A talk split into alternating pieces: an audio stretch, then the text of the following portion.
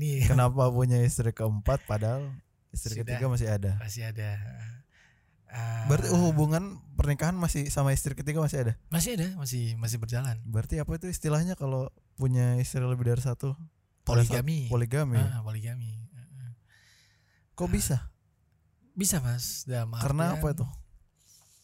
eh, gini. Biasanya perempuan tuh suka ganteng eh sama uang. Gitu ya. Iya. Hmm. Paling gampang itu kalau kita ngelihat kasar dari jauh ya itulah. Kalau kepribadian kan lama, kelihatannya lama gitu, Pak. Reunion Podcast.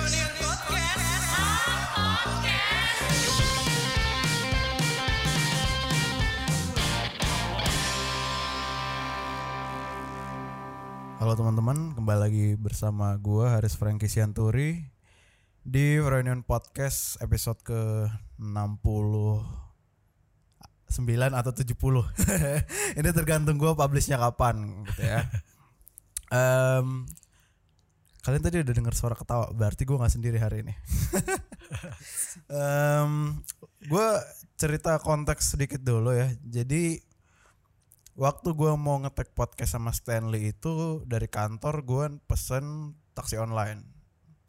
Terus gua perjalanan ke sana sebenarnya udah lumayan exhausted, udah lumayan capek ngobrol seharian. Gue mau pakai headset tadinya. Mau ah males ah ngobrol soalnya nanti sampai di tempat Stanley ngobrol lagi panjang gitu kan. Jadi gue pikir gue mau diem dulu.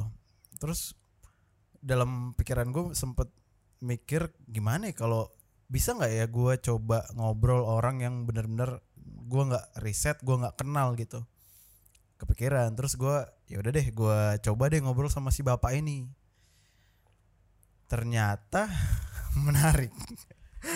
Ngo- gue ngobrol lumayan panjang. Intinya kalau kalian ngeliat stories gue tuh gue ketemu si bapak ini jadi gue putuskan saat itu untuk gimana pak kalau kita tukeran kontak nih? Nanti kalau ada waktunya main ke Bintaro saya ngajak podcast. Mau nggak? Oh boleh katanya. Ya udah. Terus hari ini harinya tiba juga. Gue akhirnya kedatangan bapak Ari betul namanya bapak Ari Ya, dia taksi apa driver taksi apa ya ya driver taksi Bluebird Oke. training. Tra- training masih training Pak? Masih baru soalnya. oh kenapa mau saya ajak podcast Eh, nggak tahu. nggak tahu Tiba-tiba mau aja. Mungkin Ah, kena sihirnya Mas Haris. ini. waduh Wah, kena gaib saya Eh, kena sihirnya Mas Haris. Eh, sebagai seorang inter apa? Interviewer. Interview. Enggak lah, saya baru juga ini Pak. Bapak Ari ini kan kalau kita dengar cerita kemarin tuh baru di Jakarta ya. baru saya mungkin Januari lah. Eh, bukan mungkin, memang Januari ya. Januari eh, sampai di Bogor. Mm-mm. Setelah itu eh, driver Bluebird ini baru sebulan lah kurang lebih. Mm. Pas estimasi Maret lah baru masuk ke ke apa? Bluebird taksi ini. Tadinya Sebelumnya masih ketika di Bogor kita eh, ini sih eh, dalam rangka survival sementara gitu Gojek biasa, Gojek motor. Oh berarti s- dua profesi Gojek sama driver taksi. Enggak juga. Sejak di Bluebird saya sudah nggak Gojek lagi. Oke. Kenapa sampai akhirnya ini Pak berangkat dari tadi di Jogja kan? Ya, kebetulan sebelum di Jakarta kita kan di Jogja. Mm. Tinggal di Jogja, punya usaha di Jogja. Mm-mm. Kemudian ada trouble eh, selama pandemi ini Mm-mm. menjadikan usaha kita bangkrut. Nah, usaha kita bangkrut. Akhirnya utang banyak sampai 500 juta. Wow.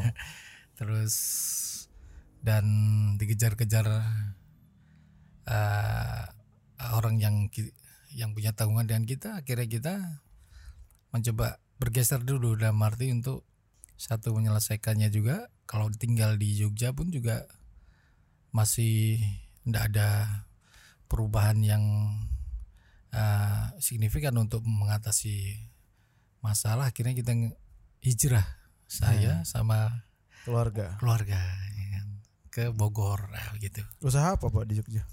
Ketika itu kita punya usaha rental mobil sama tour travel Jogja ya. Heeh. Hmm, tour travel Jogja. Terus selama pandemi itu pun sangat berdampak sekali karena wisata tutup, kemudian anak sekolah juga tidak ada studi tour dan sebagainya, sehingga sangat telak banget untuk pelaku wisata, pelaku rental mobil dan sebagainya itu sangat berdampak banget Mhm. untuk di usahanya. Meskipun saya sebenarnya juga usahanya masih kecil-kecilan, tidak sebesar kawan-kawan yang saya kenal di Jogja. Hmm. Tapi ya terasa saya yang kecil aja berdampak apalagi yang besar. Iya. Emang kalau pindah ke sini eh cukup buat menghidupi keluarga? Eh, cukup sih tidak. Ah, Teman cukup sih tidak kan? eh, ada harapan dalam arti harapan bertahan sementara. Oke. Eh, iya, iya. bertahan sementara dengan harapan tuh juga pandemi cepat berlalu, Hmm. terus corona hilang, terus eh, lini usaha kembali perekonomian kembali bergerak bergeliat dan itu bisa memungkinkan saya kembali Ke Jogja. eh, kembali membentuk usaha baru Oke. bisa di Jogja bisa di sini Hmm. sekali skill usaha kan saya sudah ada Iya. Nah, tinggal pengembangan saja eh, dan suasana baru tentunya. Oh berarti salah satu alasan pindah ke sini tuh emang mumet di sana juga ya Pak? Iya, mumet. Nah, mumet terus plus apa ya? Plus jelimet. Nggak cerah-cerah juga kayaknya ya. Kenapa? Nggak, iya maksudnya u- ujung dari lorongnya nggak kelihatan gitu. Ah, ah, ketika di Jogja. Hmm. Ya, Nggak, ah, titik cerahnya masih jauh. nggak ya? ada. Kita nggak nem jauh masih mending ada harapan Ini dekat. nggak ada malah. Ah, ah, Jauh ada harapan dekat. Cuman ini ada kelihatan gimana mau. Ajan satunya tetap ah, kebetulan ada kawan lama ya sempat eh, membantulah di awal itu ke- kawan yang tinggal di Bogor itu ya akhirnya bertahan sampai sekarang Nah, lama-lama saya pun juga nggak mau berpangku tangan dibantu terus ya akhirnya saya Iya. berdikari akhirnya driver Bluebird Hmm. akhirnya bisa cuma Mas Haris ini iya iya iya. Em, kalau tadi kita banyak ngobrol soal happy kan sebelumnya kan. Menurut bapak sekarang bapak lagi happy nggak?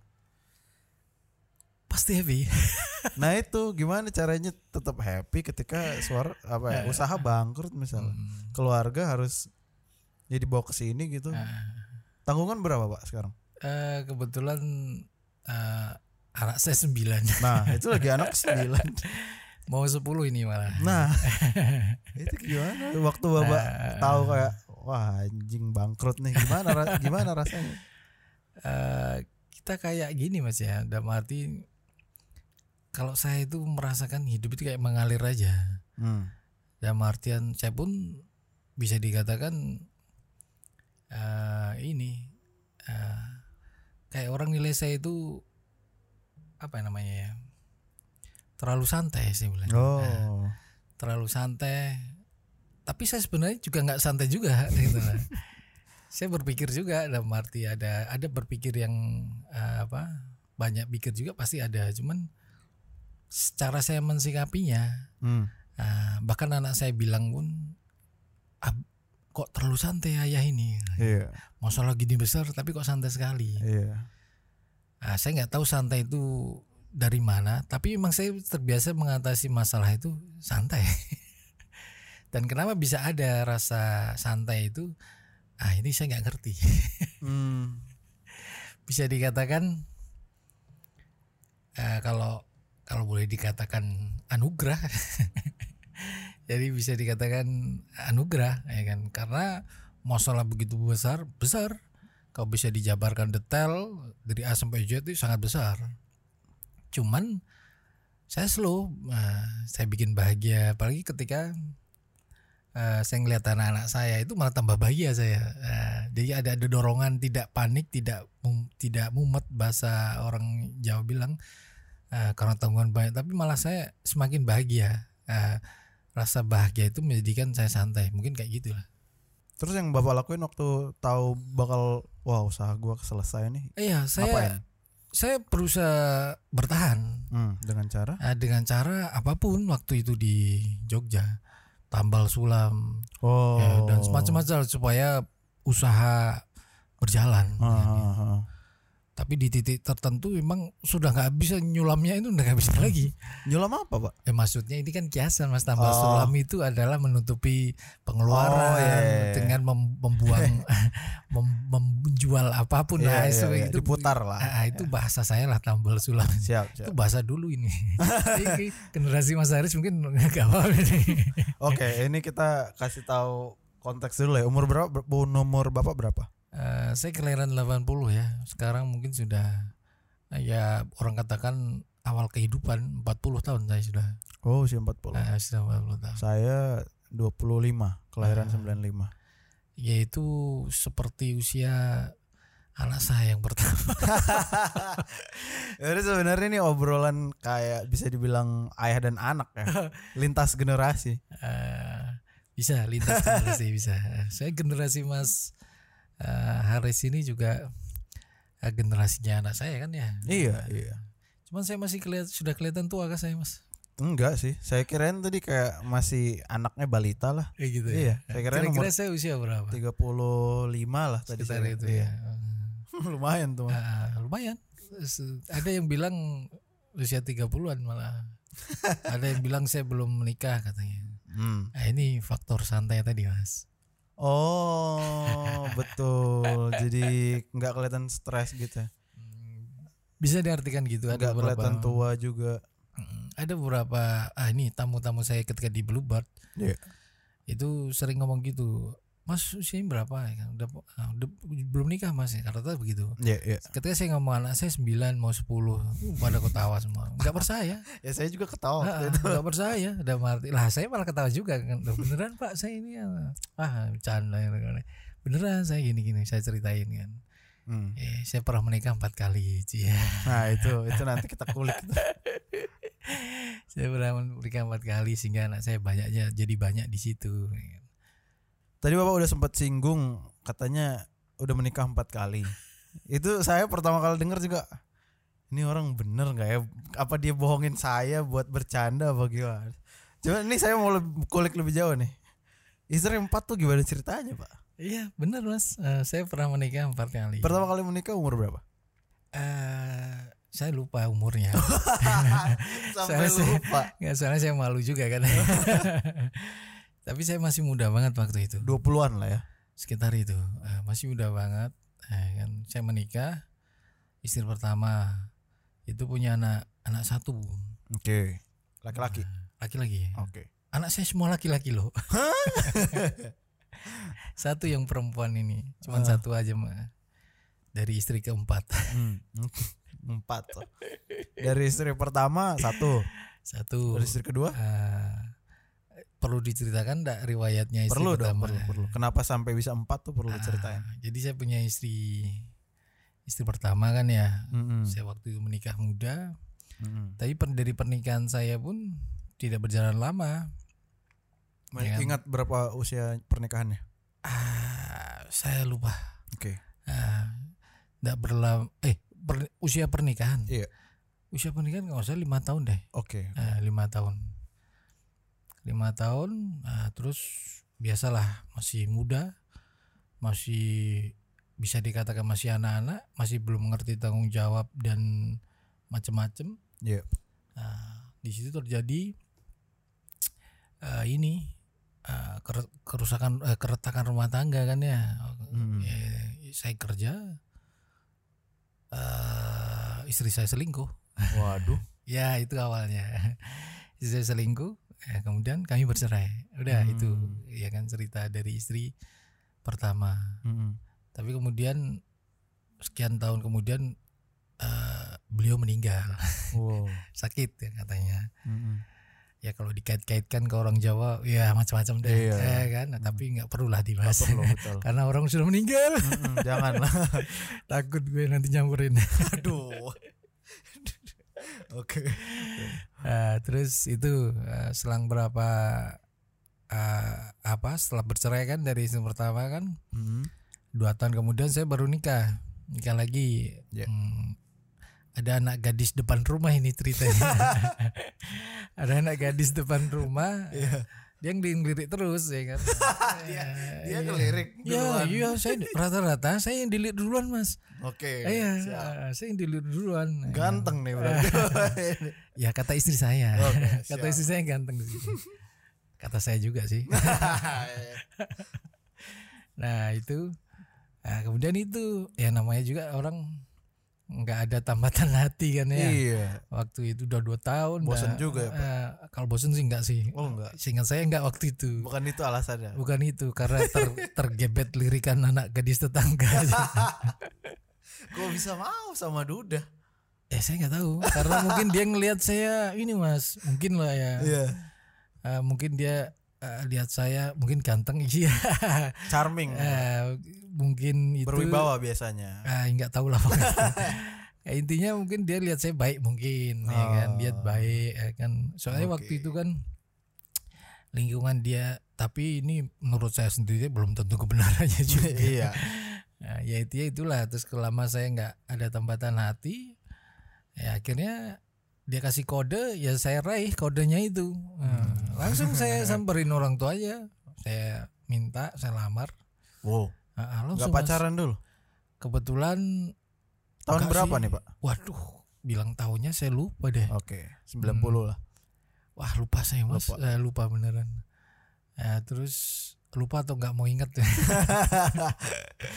nah, terus itu saya langsung saya tipenya orangnya ini mas eh apa ya selalu bukan selalu sih Eh, jika ada eh, kayak ta- ya, bukan tantangan masa bukan pernikahan mah bukan tantangan saya kira Iya sih. intinya saya mau gampang aja lah ya kan bahasa bahasa umumnya ada gentleman lah atau apalah Hmm, ya kan hmm, kayak gitu hmm. kan ya Hmm. nah, saya saya minta sama orang tuanya saya lamar orang tuanya juga oke gak masalah setuju lah terus menikahlah yang kedua kali Hmm.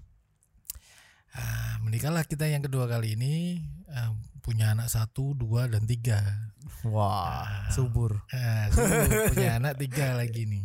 Iya. Eh tapi berjalannya waktu nih. Eh, Berjalannya waktu Dari apa? Ada ketidakcocokan.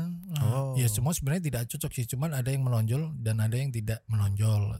Ketidakcocokan terus akhirnya Menjadikan eh, Saya bercerai lagi nih eh, Hmm, Bercerai lagi Menikahlah saya sama istri yang ketiga Oh, bentar lu, Pak. Itu istri nomor dua itu gap umur.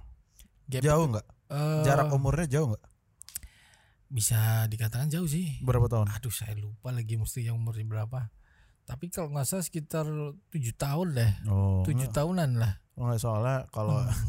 saya Ah. penasaran aja soalnya pacar saya beda empat tahun. Ah. Mungkin itu jadi masalah gitu. Ternyata tidak. Ternyata mungkin beda-beda setiap hubungan. bisa dikatakan Hmm. sebenarnya Tapi masalah- bukan itu masalahnya, bukan kira- umur, saya kira bukan umur Oke. karakter lah karakter. kalau istri saya kedua ini cenderung di karakter Hmm, hmm. Eh, itu saya sudah sabar dalam arti sabar untuk mem- mem- membenahi ke karakter dia kan Iya. sampai saya punya anak tiga loh iya, padahal dari berarti. padahal dari awal menikah itu saya sudah tahu. merasa aneh ya kan Oke. dengan karakternya dan sebagainya udah ya macam-macam lah ya kan Mm-mm. terus saya bertahan nggak mau egois juga dong saya sebagai laki-laki maunya menang sendiri kan nggak mau perbaiki juga dulu ya, Pak. saya perbaiki punya anak satu ya kan punya anak dua ya kan punya anak tiga Iya. anak tiga ini sudah terlalu lama saya bersabar ya kamu salah sudah 8 tahun 10 tahun deh Waduh, Hmm, 8 tahun 10 tahun pernikahan kan saya waktu itu hmm, dengan istri yang kedua ini lama sih itu. Pak. Lama ya jadi saya kalau anak saya cerita kenapa saya uh, bercerai sama sama ibunya saya bisa cerita ya kan Hmm. Uh, ayah sudah berusaha betulin ya kan. Iya, iya. selama 10 tahun karakter ibunya ini ya kan Hmm. nah di situ uh, saya punya pegangan untuk cerita lah kan Iya, iya. nah di situ akhirnya bercerai lah kita Eh tapi Pak, maaf saya potong Pak. Hmm. Sama semua anak berhubungan baik, Oh, semua anak saya dalam posisi ini dekat ya. bukan po- dalam uh, asuhan saya semua.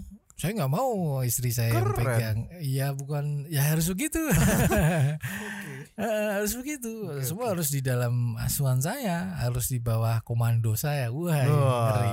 Ngeri. harus di bawah uh, didikan saya Binaan karena apa? Eh, ah ini dulu ah ini saya cerita dulu nih masa cerita masa istri saya yang kedua ini Mm-mm. itu dulu gayeng-gayengnya masalah eh, Ahmad Dhani sama Mulan eh sama Oh, Maya ya iya, kan? iya, iya. tapi bukan perselingkuhan ah, kok perselingkuhan saya nggak tahu kok bilang perselingkuhan Iya. ya kan intinya masalah anaknya Al El dan Dul itu Oh, Nah, itu asuh. Ya itu intinya itu. Ya kemudian kan dulu Ahmad Dhani masih masih ingat tuh Ahmad Dhani itu eh, kuat banget tuh masalah anak itu kan. Iya, asuh iya. anak. Harus sama dia katanya. harus sama dia. Terus kemudian eh, laki-laki tuh harus bersama seorang ayah karena bisa menjadi suri toladan ayahnya. Iya. Kebetulan anaknya laki semua. kebetulan anak saya. Wah dulu itu betul-betul mirip lah kejadiannya kayak Ahmad Dhani itu. Tapi di masalah anak ya bukan masalah istri. Eh, masalah anak ya kan dan anak-anak saya bisa dikatakan hampir mirip juga patuhnya kayak anak-anaknya Ahmad Oh. Dhani iya Mm. dan kedekatannya juga sama seperti kedekatan anak-anaknya Ahmad Dhani dengan Ahmad Dhani Keren. Iya. Terus ya begitu. Alhamdulillah akhirnya di dalam asuhan saya, di dalam didikan saya dan seperti itu anak dari istri kedua. Hmm. Istri ketiga. Lanjut nih istri ketiga. Banyak. Ini kayak anu ya. Tapi ya inilah kehidupan. Iya. Jadi setelah uh, dengan istri kedua, Hmm. saya nikah dengan istri ketiga orang Jogja ini. Oh, Oke. Orang Jogja, ah, janda anak satu. Oh. janda anak satu. Kenapa saya mikirnya gitu? Dulu milih janda anak satu. Padahal ada gadis itu yang mau sama saya waktu itu. iya mas, saya dulu mah banyak lah disukai gadis ya kan. banyak disukai gadis ya. Ah, tapi kenapa saya milih ah, janda anak satu? Karena satu, saya punya anak, ya kan. Butuh yang sudah berpengalaman juga lah. Enggak juga mas, Oh, enggak mungkin saya anak saya saya serahkan kepada istri saya. Oh gitu. Ya ibu istri saya yang ibunya aja nggak saya serah, apalagi ibu orang lain. Oh iya juga betul. Ya nggak mungkin. Itu karena apa?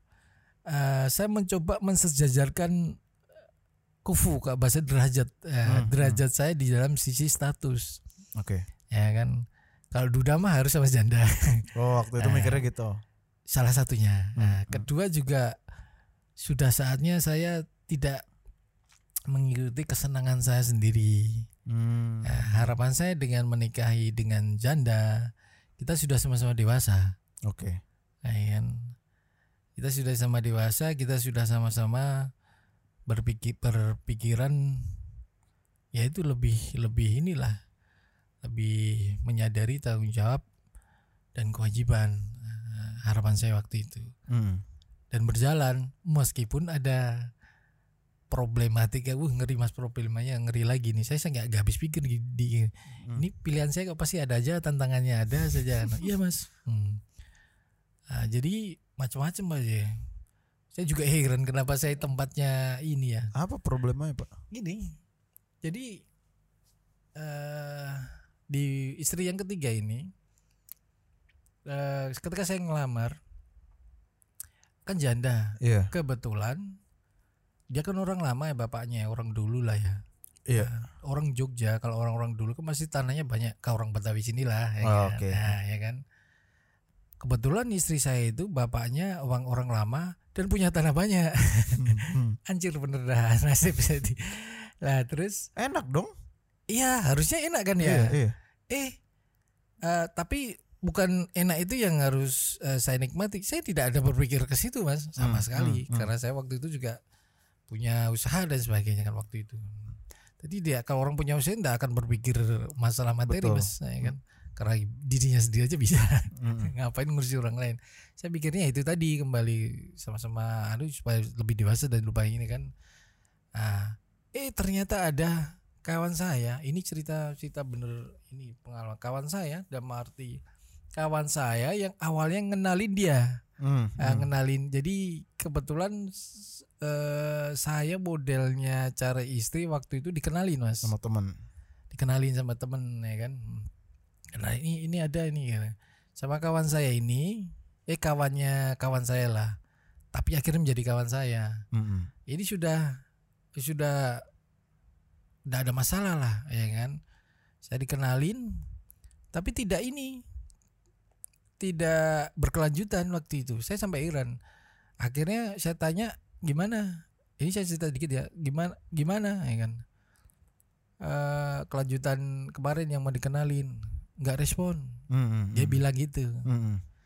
Nah, karena saya menghargai kawannya kawan saya ini, yang akhirnya menjadi kawan saya setelah selanjutnya. Hmm. nah, nah, ini saya menghargai ya sudah, saya tidak ngejar lagi kan. Iya. Eh, saya kok diimpin setelah tiga bulan saya diimpin lagi mas. Sama ceweknya atau sama, sama Sama teman? ini, saya diimpin istri saya yang ketiga ini. Oh. Eh, eh, aneh kan? oke, Nah, iya, iya. Saya diimpin itu. Ini kapan mau datang ke rumah? Iya mas. saya sampai Iran itu pas Serem juga. Iya, ya nggak serem. Biasa aja sudah. Saya diimpin, nih. diimpin dia. Intinya saya harus datang gitu kan. Oke. Ya kan? Harus Iya. datang. Langsung nemui dia sendiri tanpa perantara. Oke. Ah, habis itu ya saya niatkan saya datang. Langsung saya tembak dulu. Langsung ACC kok. Berarti kawan saya ini bohong gitu. gitu. Oh, Lain iya hari. juga. Lain hari saya tahu. Iya. ternyata kawan saya yang akhirnya jadi kawan saya ini ini sebenarnya juga suka sama dia Wah, dalam rangka tapi setelah beberapa tahun kemudian ya dalam Iya. rangka yaitu aset-aset orang tuanya ini oh alah. ah, seperti itu ya kan Iya, iya, iya. Akhirnya saya nikah. Nah saya nikah saya, saya langsung ngomong bapaknya lagi. Ya kasusnya sama kayak istri yang kedua. Langsung saya datangi bapaknya. Saya Mhm. bilang gini gini gini. Bapaknya setuju banget senang banget mas bapaknya mas. Iya gimana anaknya janda anak Iya. satu ya kan? Ada yang mau ya kan? Mm-mm. dan sebagainya dan sebagainya. Nah terus seneng kan? Udah seneng ya hari sudah. Pokoknya sudah orang tua sudah ketemu orang ibu saya udah saya bawa kan dan sebagainya.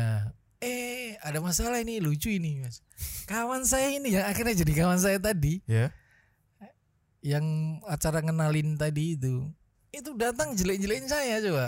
Di hari H. di hari sebelum H.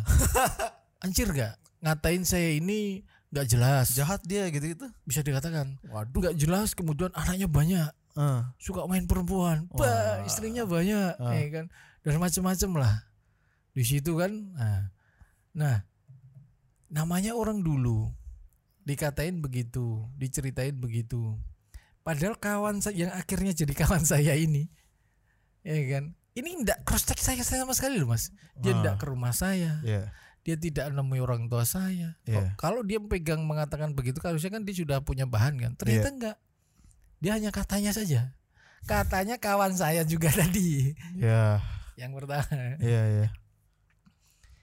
Ah masih capek enggak ini Enggak, enggak. dengar saja Enggak, enggak. ini saya karena kopi nih jadi Enggak apa saya juga santai. nah, tapi terlanjur sudah dibilang kan sudah dibilang ke mertua ah mertua ini sampai ke keluarga besar Dengar semua. dengar semua. Waduh. Nah, namanya keluarga besar, orang Jawa lagi kan. Tahu kan filosofi orang Jawa pakai belangkon Mas ya. Iyalah. Ah, Di depan belakang ini. Ah, belakang mendul ya kan. Iya. Itu memang terjadi. Terbukti itu. Wih, gak keras. Akhirnya sampai terjadi hal yang tidak diinginkan. Waduh. Pas hari H, bapaknya meninggal, Mas. Ngeri nggak itu? Hah? Nah, Bapak istri ketiga. Bapak istri ketiga, mertua saya Buset. meninggal di hari H. Bayangkan mas, apa nggak delek-delek saya coba? Ya deg-degan sih. Eh, itu. kan? Serem. Majang, wah, ditambah lagi bumbu-bumbu drama sinetron. Bapaknya meninggal gara-gara masalah saya dengan istri saya. Iya, iya. Aneh kan? Iya. Anjir gara-gara omongan si satu orang tadi. Iya. Tanpa melihat eh, saya sebenarnya. Dia ada- Faktanya. Eh, Wah gitu, meninggal bener mas, meninggal di pangkuan saya lagi. Dia jatuh di kamar mandi. Jatuh di kamar mandi, saya pas di situ kan. Iya. Pas di situ eh, sudah eh, acara mau apa kan maksudnya kan. Pas di situ dia jatuh di kamar mandi. Nggak ada yang bisa buka kamar mandi, saya dobrakan terus kemudian saya gendong ke kamar. Dia sudah mulutnya udah udah ah, mangap itu apa bahasa Jawanya buka lah ya. mangap eh, buka gitu nah terus saya udah tahu ini ini meninggal ini terus saya talkinkan kalau di Islam kan ditalkinkan woi saya sok-sokan inilah pohon dikit lah Hmm. ya kan ah, ditalkin saya talkin kan nah terus datang keluarga yang Ditalkin lain itu apa, Pak? ditalkin jadi kak di la ilah ilah di kupingnya itu kan Oh, iya, ditalkin. iya, iya, Nah, iya. dibantu lah supaya Tenang uh, ya. um, bisa mengucap la ilaha illallah seperti seperti itulah Hmm. nah terus akhirnya dibawa ke rumah sakit itu Hmm. saya gendong itu di naik naik mau taksi naik mobil saya lupa. Padahal itu udah acara pernikahan hari itu. di hari H besok ke KUA besok ya Oke. Nah, besoknya di KUA Hmm. peresmian di syahnya kan di hari besoknya Iya, iya. jadi malamnya dia jatuh malamnya jatuh Buset. ngeri kan Iya. saya pun nggak habis pikir kenapa Iya. itu terjadi loh mas yang di kehidupan saya ya, jatuh akhirnya meninggal di pangkuan saya di dalam perjalanan ke rumah sakit itu saya ngerasain kok ketika badannya itu tiba-tiba berubah jadi dingin dari anget. Aduh. Nah, dari anget dari pangkuan saya kan hampir setengah badan itu. Iya, kayak iya. gerak itu kayak gerak tiba-tiba dari anget anget anget terus hilang jadi dingin. Itu. Nah ngerinya lagi. Hmm. geger semua kan? Nah geger semuanya dek. Ah, istri saya disalahin gara-gara ini Egois. Nah, bukan gara-gara masalah ini maksa untuk nikah dengan saya. Hmm, Ya, hmm. istri saya pasti kan juga seneng lah dapat saya kan pasti Iya. ya kan ya. Dapat saya tuh seneng kan dia, dia makanya dia ketika ah, kembali ke mundur sedikit ketika dia dapat cerita gitu tentang saya waktu itu Nggak terima. itu kan ada pembicaraan keluarga tanpa saya ketahui Oh, Iya toh. dikumpulin Ya, dikumpulin. Nih, Hmm. jangan nikah sama si Ari ini gini gini Aduh. gini ceritanya belum tentu belum benar. tentu Iya. ceritanya A beda aja ya. Istri saya kan sudah terlanjur suka- Sayang. eh, sudah cinta lah ya, ya kan. Sudah tak cinta, ya, terus dia maksa, ya kan, maksa dan sebagainya. Nggak Harus sama. Mas Ari. harus sama Mas Ari, termasuk anaknya juga. Oh iya. Anak diri, oh, oh, kalau nggak Mas Ari nggak mau, nggak bisa nikah, bla bla seperti itulah. Nah akhirnya, nah itu tadi eh, menjadikan eh, persepsi di keluarga besar ini eh, eh, masalah pernikahan saya dengan istri saya menjadikan masalah meninggalnya bapak itu. Itu katanya saja menurut mereka menurut mereka. Kalau menurut saya karena bapaknya capean aja. Dia masuk angin kalau saya punya darah punya ya mungkin sudah saatnya mungkin kan Iya, iya, iya. sudah saatnya terus mungkin tapi ya nggak tahu juga lah kita ajal kan nggak ngerti kan Betul. Nah, nah itu kan terus waktu itu sudah sudah ini mas sudah sudah kita mau nggak jadilah tapi istri saya kan nangis saya pun juga waktu itu juga harga diri saya juga semacam ke ini juga ya kan ya kan wah gue dapatin lebih dari ini aja bisa ya kan Iya, gue iya. dalam rangka mau ibadah nikah ini Hmm. memilih janda saya juga duda ya kan supaya kita sama-sama bisa jalan bareng eh.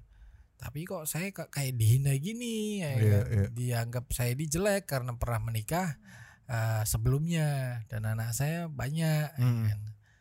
Nah, saya ya agak tersinggung kan saya Pasti. bilang sama istri udah eh, kita nggak usah aja. lanjut Hmm. kita nggak usah lanjut aja batal aja gini nangis dia mas nangis dia bla bla bla bla lah saya juga nggak tega dong Iya.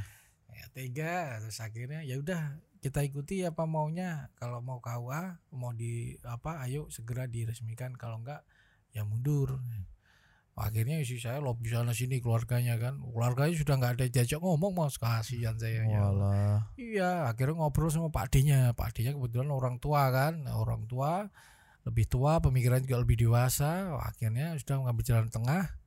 Udah, karena sudah memang sudah berjalan, sudah ketemu hariannya, nikahkan saja dulu urusan nanti belakang ya saja. Akhirnya kita dinikahkan di KUA itu, babar dan sebagainya.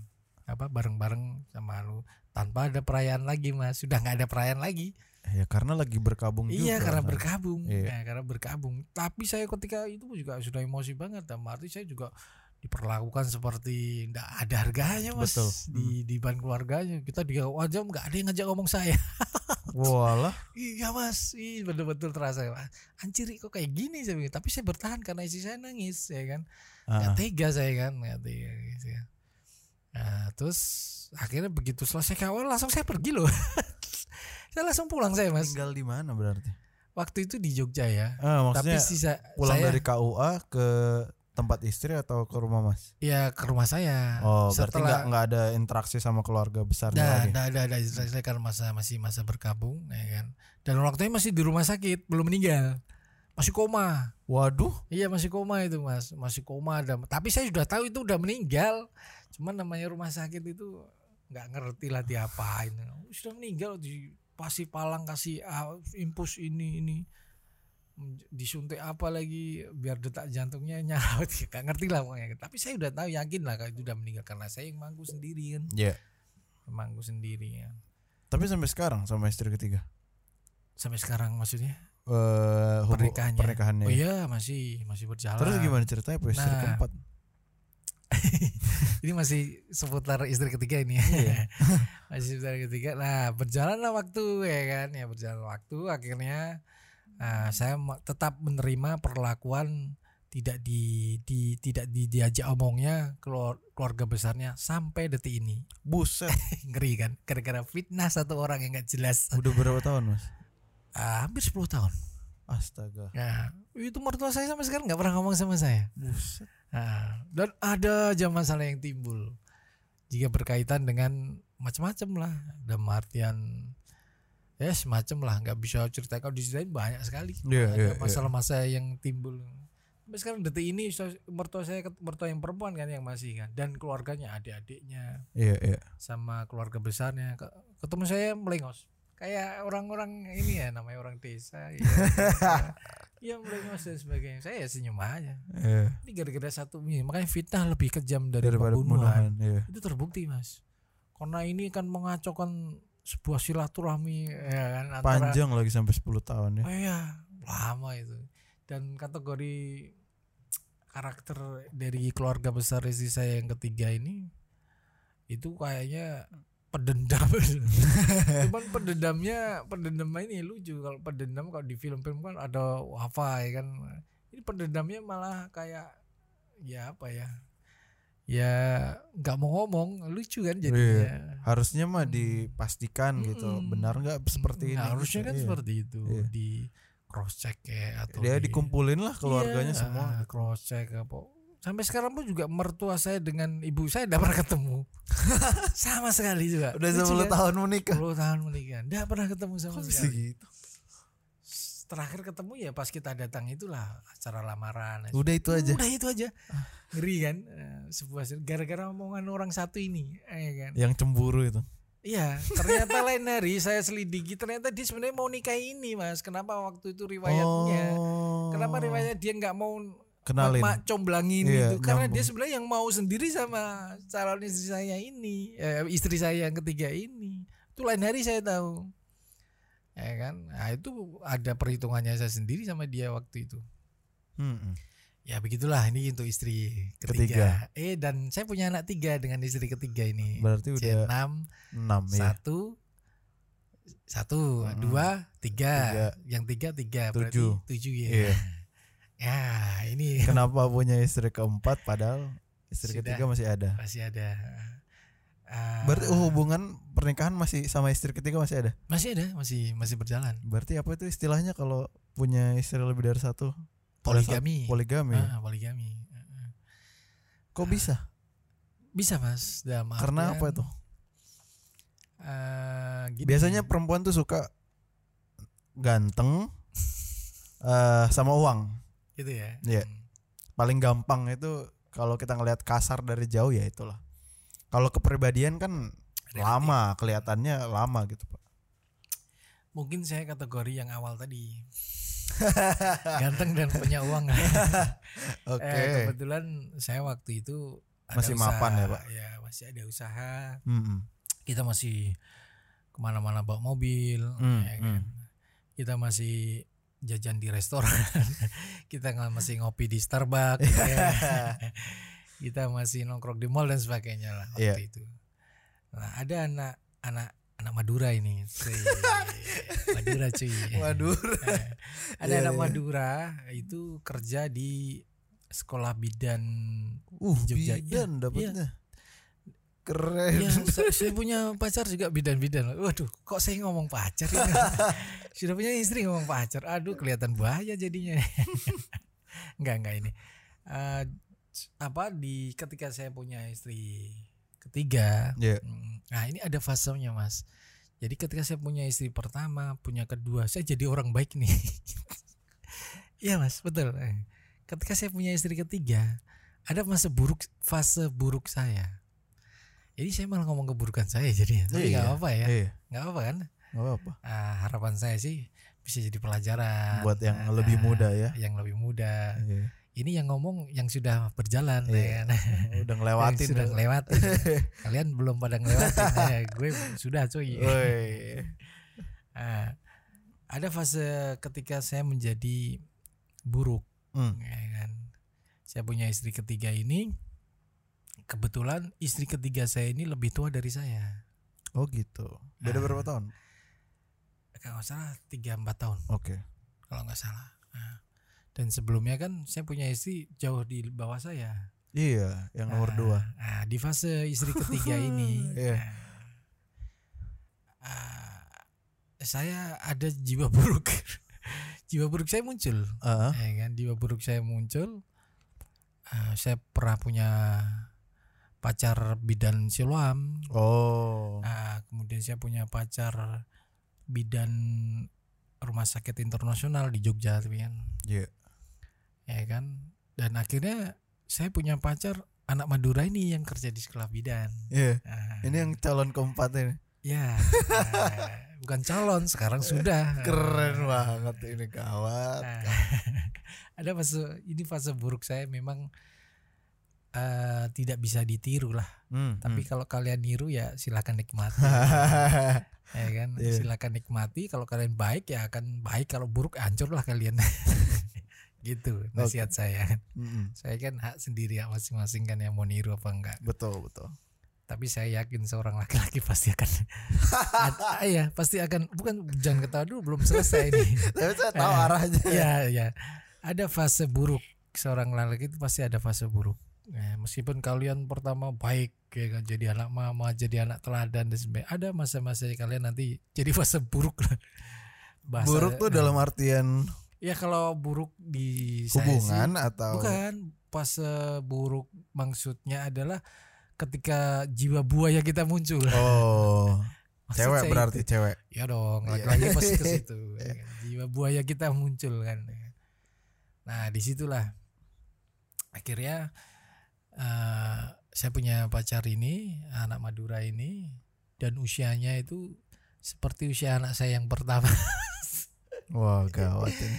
usianya anak yang usia pertama, ya kan. Saya pertama kali kenal dia itu, saya udah jauh mas karena apa? Karena ini kayak kayak anak saya, ya kan. Iyalah. Usianya kayak anak saya dan memang eh, mirip lah, mirip kelakuannya anak saya yang pertama ya dari istri pertama. Aduh, berarti kelahiran 94. Sembilan anak saya 95, istri saya 96 juga. Astaga. gawat, gawat.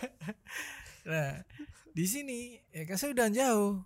Nah, tapi Maksudnya udah nggak mau Dia ceritanya. sudah nggak mau, udah Iya. mati, udah mati, sudah nggak berusaha. Anak ini supaya nggak suka sama saya, ya kan? Hmm, Saya udah berusaha gitu. Tapi namanya dasarnya laki-laki baik, pasti akan baik juga jiwanya. Anjir. Dia emong ya, Pak.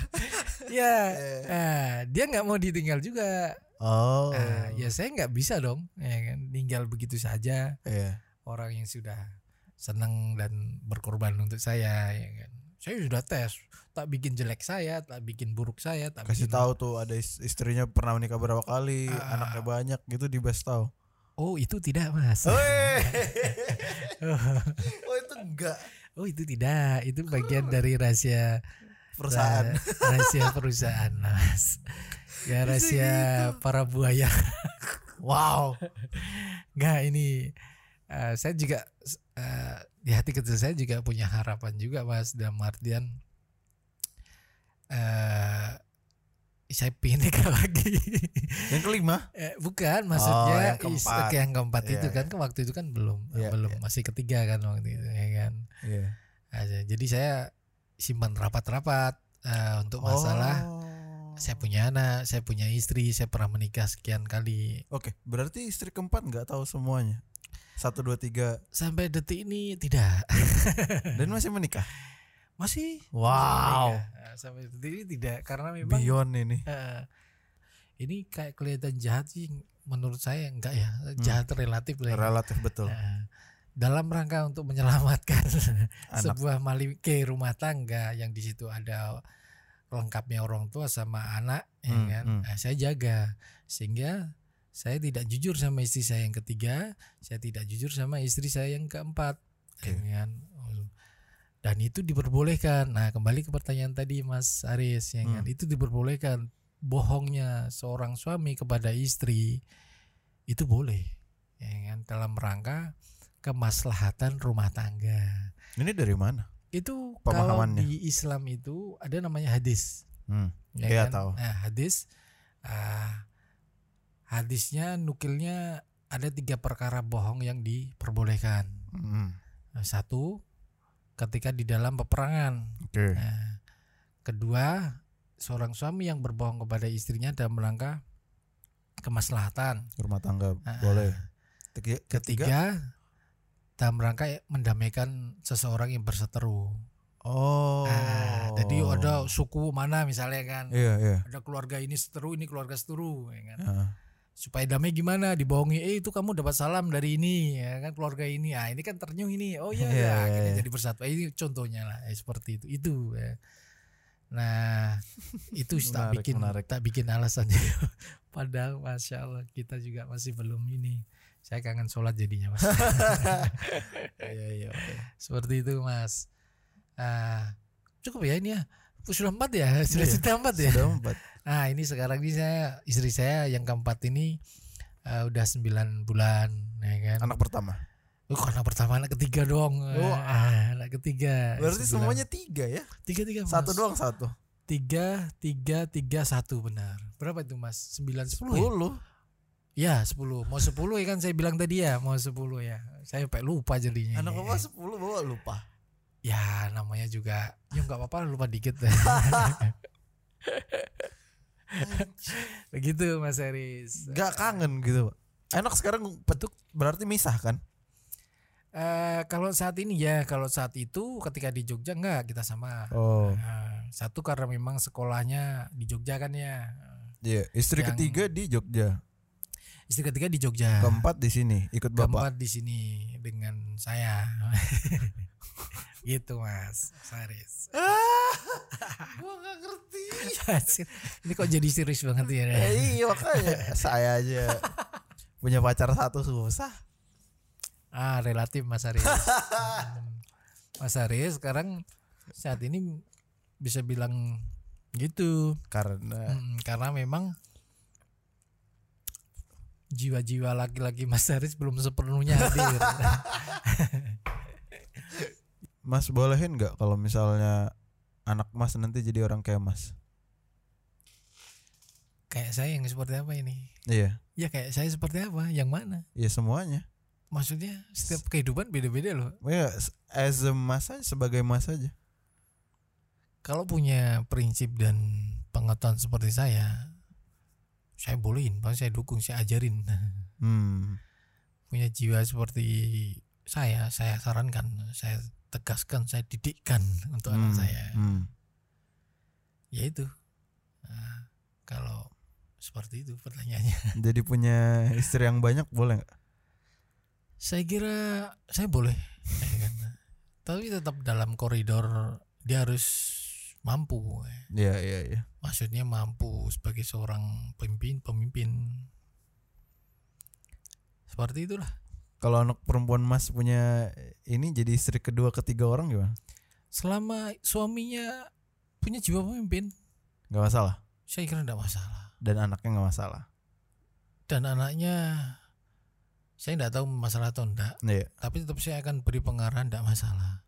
Selama saya melihat suaminya itu punya jiwa pemimpin, Hmm, ya adalah kriteria-kriteria yang pasti akan saya bebankan ke dia kan gitu. pasti. Hmm. Kamu ini ini dan saya pasti ngetes. Eh, Mau nggak saya gulung. Canda cuy. Em, menurut Mas apa yang kurang dari anak muda sekarang? Anak muda Kan- sekarang Kan rata-rata pendengar nih paling umurannya seumur anak Mas juga. ya kelihatan tua saya Enggak lah. Ah, Tua itu relatif relatif. Jiwa harus muda.